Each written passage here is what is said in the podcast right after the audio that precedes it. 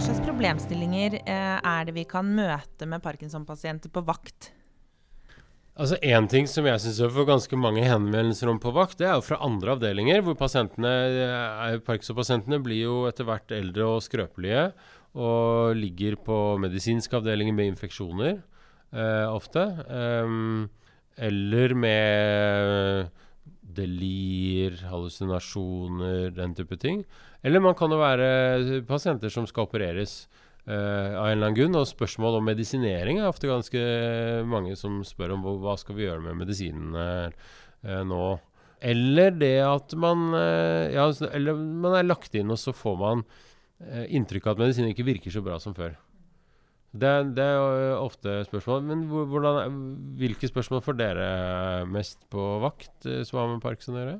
Det er litt det samme. At du ringer og pasienten står på ja, Cinemet, og så klarer de ikke å svelge. Så, men de har en sonde, f.eks. Hva gjør vi da?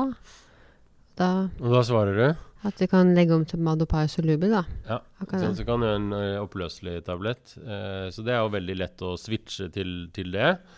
Men det er jo et problem at man ikke har noen effektive medisiner som, eh, som ikke er perorale. Så hvis man ikke kan spise noe i det hele tatt, da er det vanskelig. Da kan man gi nøyproplaster, men det jo, har jo svak effekt. Og så finnes det apomorfin, som man kan gi som injeksjon, men det er veldig kvalmeprovoserende, så da må man bruke kvalmestillende, og helst da bruke det et par dager før. Så det er liksom ikke noen sånn veldig god løsning i en sånn akuttsituasjon. Så og da er det vel ikke sånn som det lette som er lettvint med Adopaus lublin oppløselig, at det er én til én men kan bare switche direkte. Mm. Ja, men hvis du skal switche apomorfin eller til neuroplaster, så må man jo regne om i tillegg. Det må man regne om, og så kommer det ikke til å være like effektivt som uh, levodopa heller. Så, så, det er jo på en måte et savn, da, at ikke vi har noen levodopa-injeksjon. Uh. Og så andre, uh, andre, ting man ofte kan få spørsmål om, er jo over- eller underdosering ja.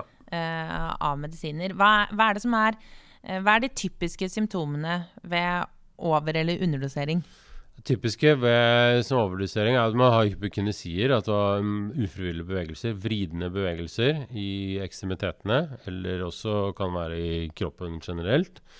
Som da er perioder av døgnet hvor man har litt for høye nivåer av eh, dopamin da, måte, i bevegelsessystemet.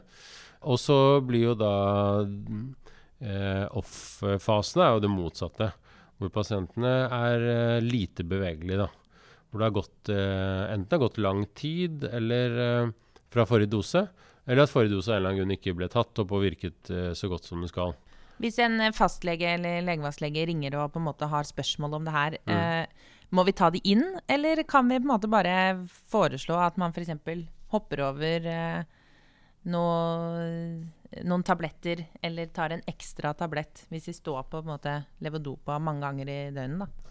Hvis det er spørsmål om over- og underdosering, så liker jeg å ta og snakke med pasienten selv og undersøke. Fordi det er, det er, litt, det er vanskelig å observere eh, og forstå helt for de som ikke er vant til det. Og det er mange pasienter også som ikke helt kjenner liksom kjenner ikke helt kroppen sin. Vet ikke helt eh, om de nå har tatt for mye eller for lite, eller hva som er Prøve å finne ut av mønsteret i det. tenker jeg at Da må man se, snakke med pasienten selv. Eller det er også en, en av grunnene til å legge pasientene inn noen ganger da, for å observere, rett og slett, så man kan se pasienten over én, to, tre dager og få et mønster på det for å forstå er det noen sammenheng mellom medisininntak og over- eller underdosering, og hvordan hvordan ser det ut?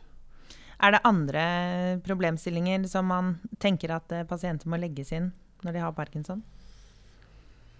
Det er en annen problemstilling jeg har fått på spørsmål på vakt noen ganger. Er at uh, pasienter med langkom parkinson med litt redusert bevissthet Ja.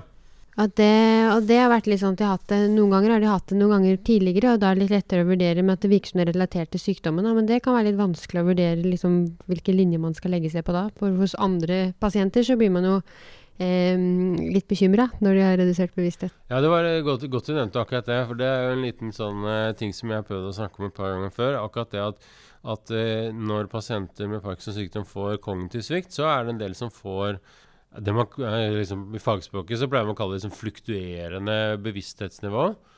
eller fluktuerende oppmerksomhet. Sånn at det virker som om noen pasienter bare faller ut. Det kan være kort, bare noen sekunder. Det stopper en setning, og man får ikke helt kontakt, og så kommer de tilbake igjen. Og så tenker man ikke så mye mer over det. Men hos noen så kan det vare veldig lenge. da. Og da ser det jo ut som at man er bevisstløs omtrent. da. Um, du får ikke noe kontakt, du får ikke noe respons hvis du snakker til. Uh, men puls og blodtrykk og alt sånt er normalt. Det er ikke synkope, det er ikke et epileptisk anfall. Noen blir lagt inn på sykehus, og så finner man ikke unormalt, og så plutselig så er pasienten tilbake og er seg selv igjen. Uh, og hvis man har utelukket andre ting sånn uh, noenlunde bra, så er det nok det som er forklaringen. da. Så det er nok ganske mange som har innleggelser. Av de pasientene som har dette problemet, så er det mange, mange som har, de, har innleggelser pga. det. Og hvis man ikke har hørt om det før, så finner du da, Det er ikke noen måte å stille diagnosen på ellers. på en måte. Med litt sånn utelukkelsesdiagnose, da. Første gang i hvert fall de får det. For det er jo litt uh, ja det er greit å utelukke ja, sånn som synkope, da, f.eks. blodtrykksfall. og sånn Det er klart at slag ja, Det er ikke så lett å få slag hvor du har akkurat det kliniske bildet, da, hvis du ser pasienten. Men, men, eh, men det er en ting som eh, kan være innleggelsesgrunn for pasienter. Og så er det en del henvendelser om en forespørsel om pasienter som gjerne har infeksjoner hvor de blir dårligere motorisk. For det, det, kan det ofte bli av eh, Kan en infeksjon trigge at de blir dårligere motorisk? Ja.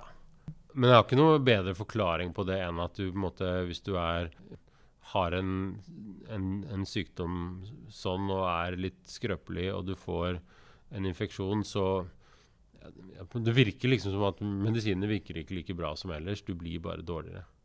Uh, så, du, så uh, det er ikke noe å gjøre med det annet enn å fortsette med medisinering som før, og så vil man komme mer tilbake til sitt eh, funksjonsnivå etter at den infeksjonen er over. Da. Tusen takk for, for at du ble med oss i dag, Mathias. Bare hyggelig. Takk for invitasjonen.